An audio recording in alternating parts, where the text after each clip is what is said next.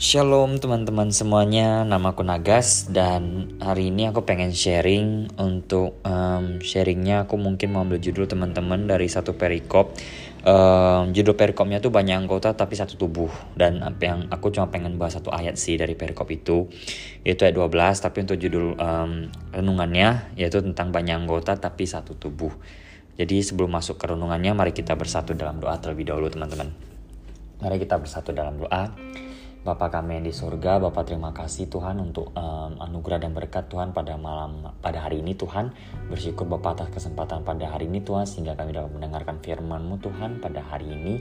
Berbicaralah Bapak kepada kami hamba mau mendengarkan kami membuka hati kami Tuhan, membuka pikiran kami Tuhan, ubahlah hati kami seperti tanah yang subur Tuhan, sehingga firman-Mu Tuhan dapat tertanam dalam hati kami juga Bapa dan berbuah juga dalam kehidupan kami.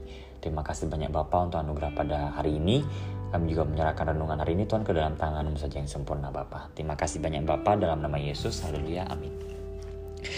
Amin amin amin. Oke, untuk renungannya teman-teman yang tadi udah aku bilang juga yaitu um, judulnya tentang banyak anggota tapi satu tubuh dan untuk ayat yang pengen um, aku ambil itu ada di ayat 1 Korintus 12 ayat 12 teman-teman. Aku bacain dulu ya. Um, 1 Korintus 12 ayat 12 karena sama seperti tubuh itu satu dan anggota-anggotanya banyak dan segala anggota-anggota itu sekalipun banyak merupakan satu tubuh demikian pula Kristus.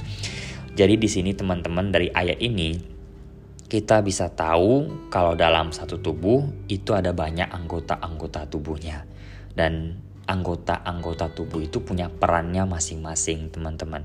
Dan itu juga berhubungan dengan hidup kita dan panggilan kita masing-masing. Kita semua masing-masing pribadi punya panggilan kita masing-masing teman-teman. Punya kelebihan kita masing-masing punya keunikan kita masing-masing. Panggilan yang udah Tuhan sediakan buat aku nggak bisa dijalankan oleh orang lain. Begitu pula sebaliknya panggilan yang udah Tuhan sediakan buat orang lain itu nggak bisa dijalankan sama aku. Kenapa? Karena memang Tuhan rencanakan, rancangkan dan sediakan buat um, orang itu doang yang jalanin, nggak bisa yang yang lain tuh jalanin itu. Dan terkadang mungkin kita bisa teman-teman keiri sama panggilan orang lain, iri sama kelebihan orang lain. Contohnya misalnya mungkin kita yang nggak bisa nyanyi bisa iri sama orang yang kenapa nyanyinya bagus kita yang nggak bisa main alat musik bisa iri sama orang yang kenapa bisa main alat musiknya bagus? Tapi tanpa kita sadari kita punya kelebihan kita masing-masing juga teman-teman. Kita sendiri pun punya kelebihan yang nggak dimiliki oleh orang yang kita iri juga teman-teman. Dan kita perlu sadarin itu. Kalau di kehidupan ini kita punya peran kita masing-masing punya tugas kita masing-masing punya panggilan kita masing-masing. Kembali lagi tujuannya cuma satu teman-teman. Meskipun panggilan kita beda-beda kelebihan yang kita punya beda-beda, keunikan yang kita punya beda-beda, tetap harusnya tujuannya cuma satu teman-teman, yaitu untuk memuliakan Tuhan. Karena kembali lagi kemampuan kita, kelebihan kita itu dari Tuhan. Jadi ayo kita ayo kita gunakan juga untuk Tuhan. Karena apa yang dari Tuhan seharusnya kita gunakan juga untuk Tuhan gitu loh. Karena itu Tuhan yang anugerahkan, Tuhan yang berikan kepada kita. Jadi sadari teman-teman, contohnya kalau anggota tubuh, kalau seandainya um, semua anggota tuh pengen jadi mulut, siapa yang jadi mata untuk melihat? Siapa yang jadi telinga untuk mendengar? Siapa yang jadi kaki untuk berjalan? Jadi setiap anggota tubuh pun punya panggilan, punya um, peran mereka masing-masing. Kaki untuk berjalan, mulut untuk bicara, mata untuk lihat, telinga untuk dengar. Begitu juga dengan kita teman-teman.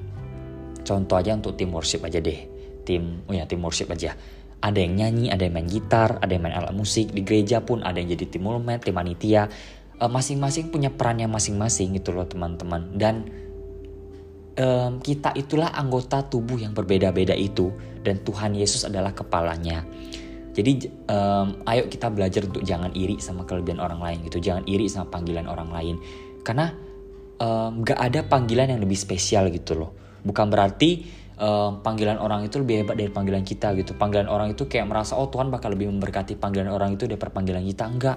Semuanya sama teman-teman. Karena Tuhan nggak mengasihi satu orang lebih daripada orang lain. Enggak.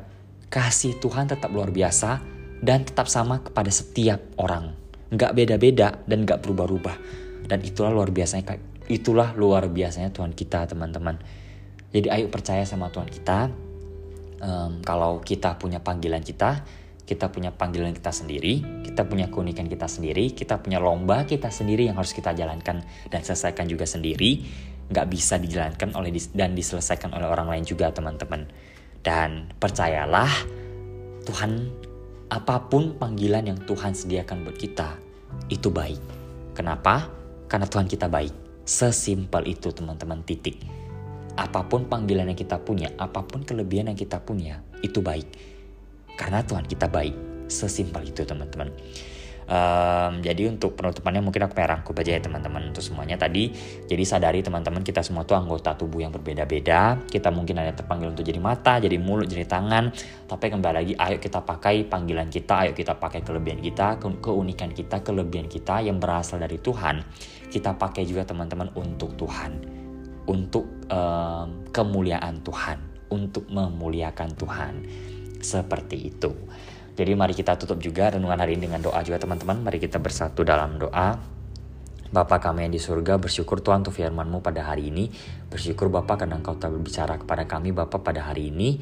Bersyukur ya Tuhan karena Engkau telah hadir pada renungan hari ini Tuhan. E, mampukanlah kami juga Roh Kudus. Kami minta bantuan-Mu Roh Kudus untuk memampukan kami untuk mentaati firman-Mu yang telah kami dengar Tuhan pada hari ini. Mampukan juga kami Bapa untuk bisa menerapkan firman yang telah kami dengar juga Bapa dalam kehidupan nyata kami. Tanamkanlah itu juga Tuhan dalam hati kami dan berbuah dalam kehidupan kami juga Bapa. Kami ingin meminta bantuan roh kudus untuk menuntun kami Tuhan, membimbing kami dan juga mendidik kami. Sehingga semakin hari Bapa kami bisa menjadi semakin serupa dengan Engkau Tuhan dan bisa menjadi anggota tubuh yang bisa memuliakan namamu lebih dan lebih lagi Tuhan. Terima kasih banyak Bapa untuk anugerah pada hari ini.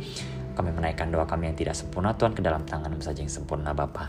Terima kasih banyak Bapak dalam nama Yesus. Haleluya. Amin. Thank you teman-teman dan Tuhan Yesus memberkati.